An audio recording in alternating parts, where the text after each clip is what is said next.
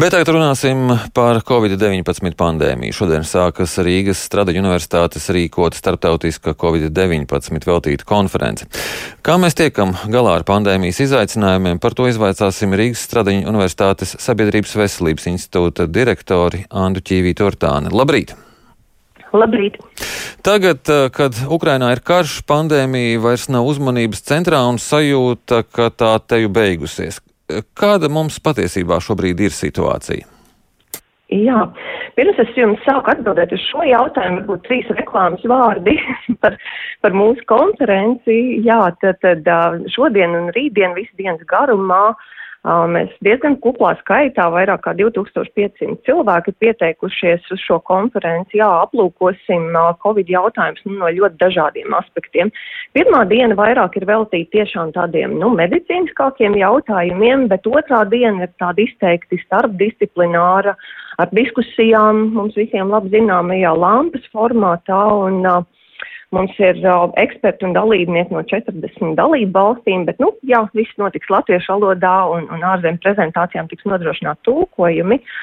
Un, uh, jā, dalība ir bez maksas un, un, un cilvēki vēl var uh, paspēt pieteikties līdz sākumam. Ir nepilns trīs stundas atlikušas, ir c19.rsu.lv vai arī RSU mājaslapā daļēji būs pieejams saturs tāpat Facebookā, um, vietnē RSU Research Week vai arī Delft tiešraidē. Mm.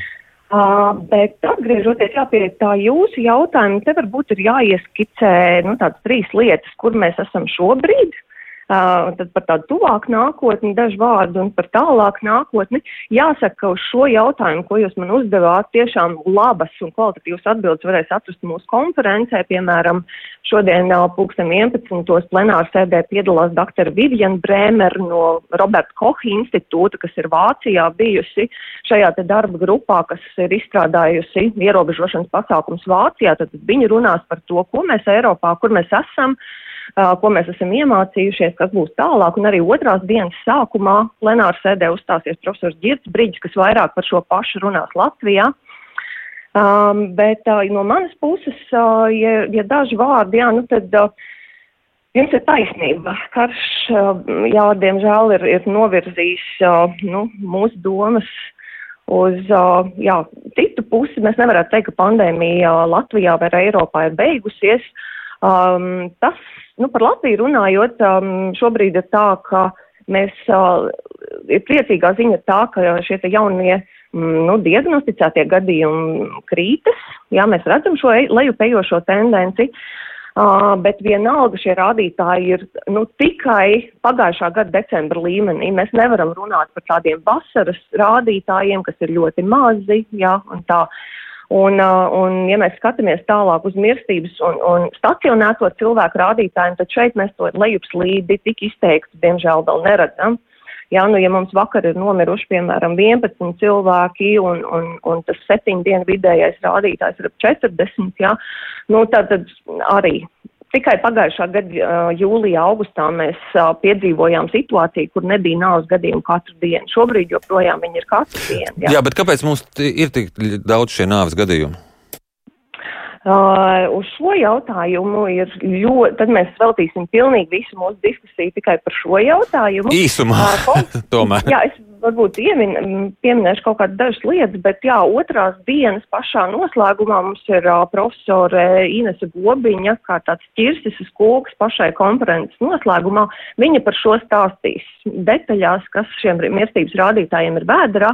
Tāpat mums ir arī stenda referāti konferencē divi no slimību profilaks un kontrolas centru, kur šie mirstības rādītāji tiek aplūkot pēc vakcinācijas status, tā kā atkal atbildes konferencē, bet uh, Uh, nu, tur, ir, um, tur ir ļoti daudz un dažādi. Tātad pirmām kārtām mums ir jāskatās, kā šie rādītāji tiek uzskaitīti katrā valstī. Nākamais ir, uh, um, nu, kāda ir mūsu populācijas struktūra, teiksim, cik ir Latvijā šie riska grupu cilvēki, tātad cilvēki, kas ir gados vecāki, kas ir ar hroniskām saslimšanām, kāda ir mūsu, kāds ir mūsu iedzīvotāju vispār veselības stāvoklis. Protams, arī veselības aprūpas kvalitāte ir jāanalizē, tur ir ļoti daudz jautājumu.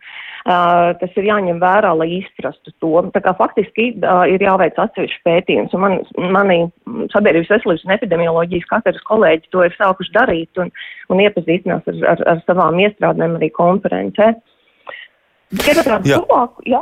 Uh, bet uh, kurā brīdī varēsim teikt, ka mēs tā kā esam izgājuši cauri šai pandēmijai un kad varētu kā sākt domāt arī par, uh, par pandēmijas atcelšanu? Um, nu, par ārkārtas stāvokļa atcelšanu. Es domāju, ka uh, nu, jā, nu, par, par to, ka mēs pasludinām, ka šī vairs nav pandēmija. Jā, Nu, um, tas ir ļoti labs jautājums, uh, un um, nu, droši vien mēs varētu piešķirt uh, nu, brīnišķīgu balvu kādam, kas zina atbildu šo jautājumu.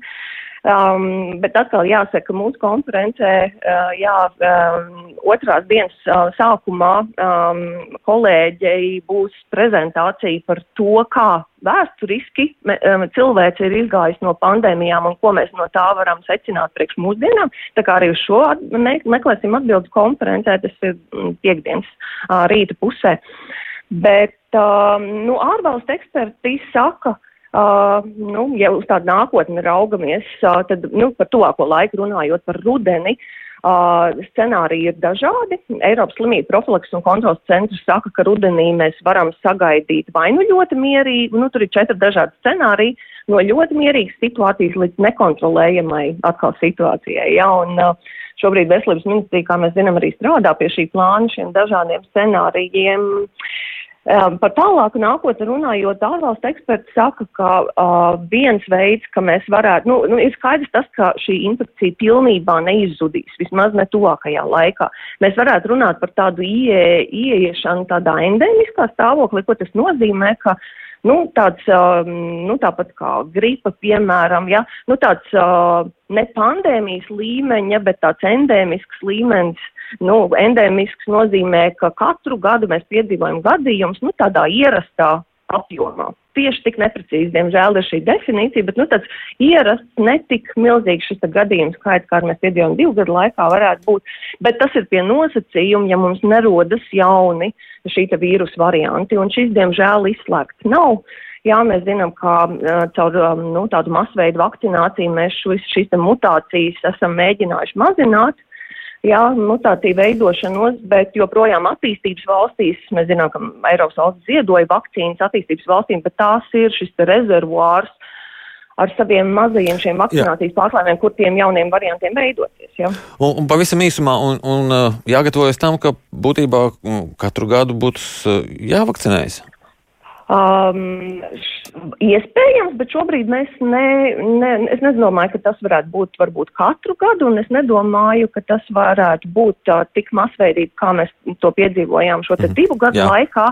Um, varētu būt runa par šo te cilvēku, kuriem ir vājš veselības stāvoklis, viņu vakcināciju. Jā. Man jāsaka jums paldies par šo sarunu. Atgādinu, ka mēs sazinājāmies ar Rīgas Stradiņu Universitātes Sabiedrības veselības institūta direktori Andu Ķīvīti Urtāni.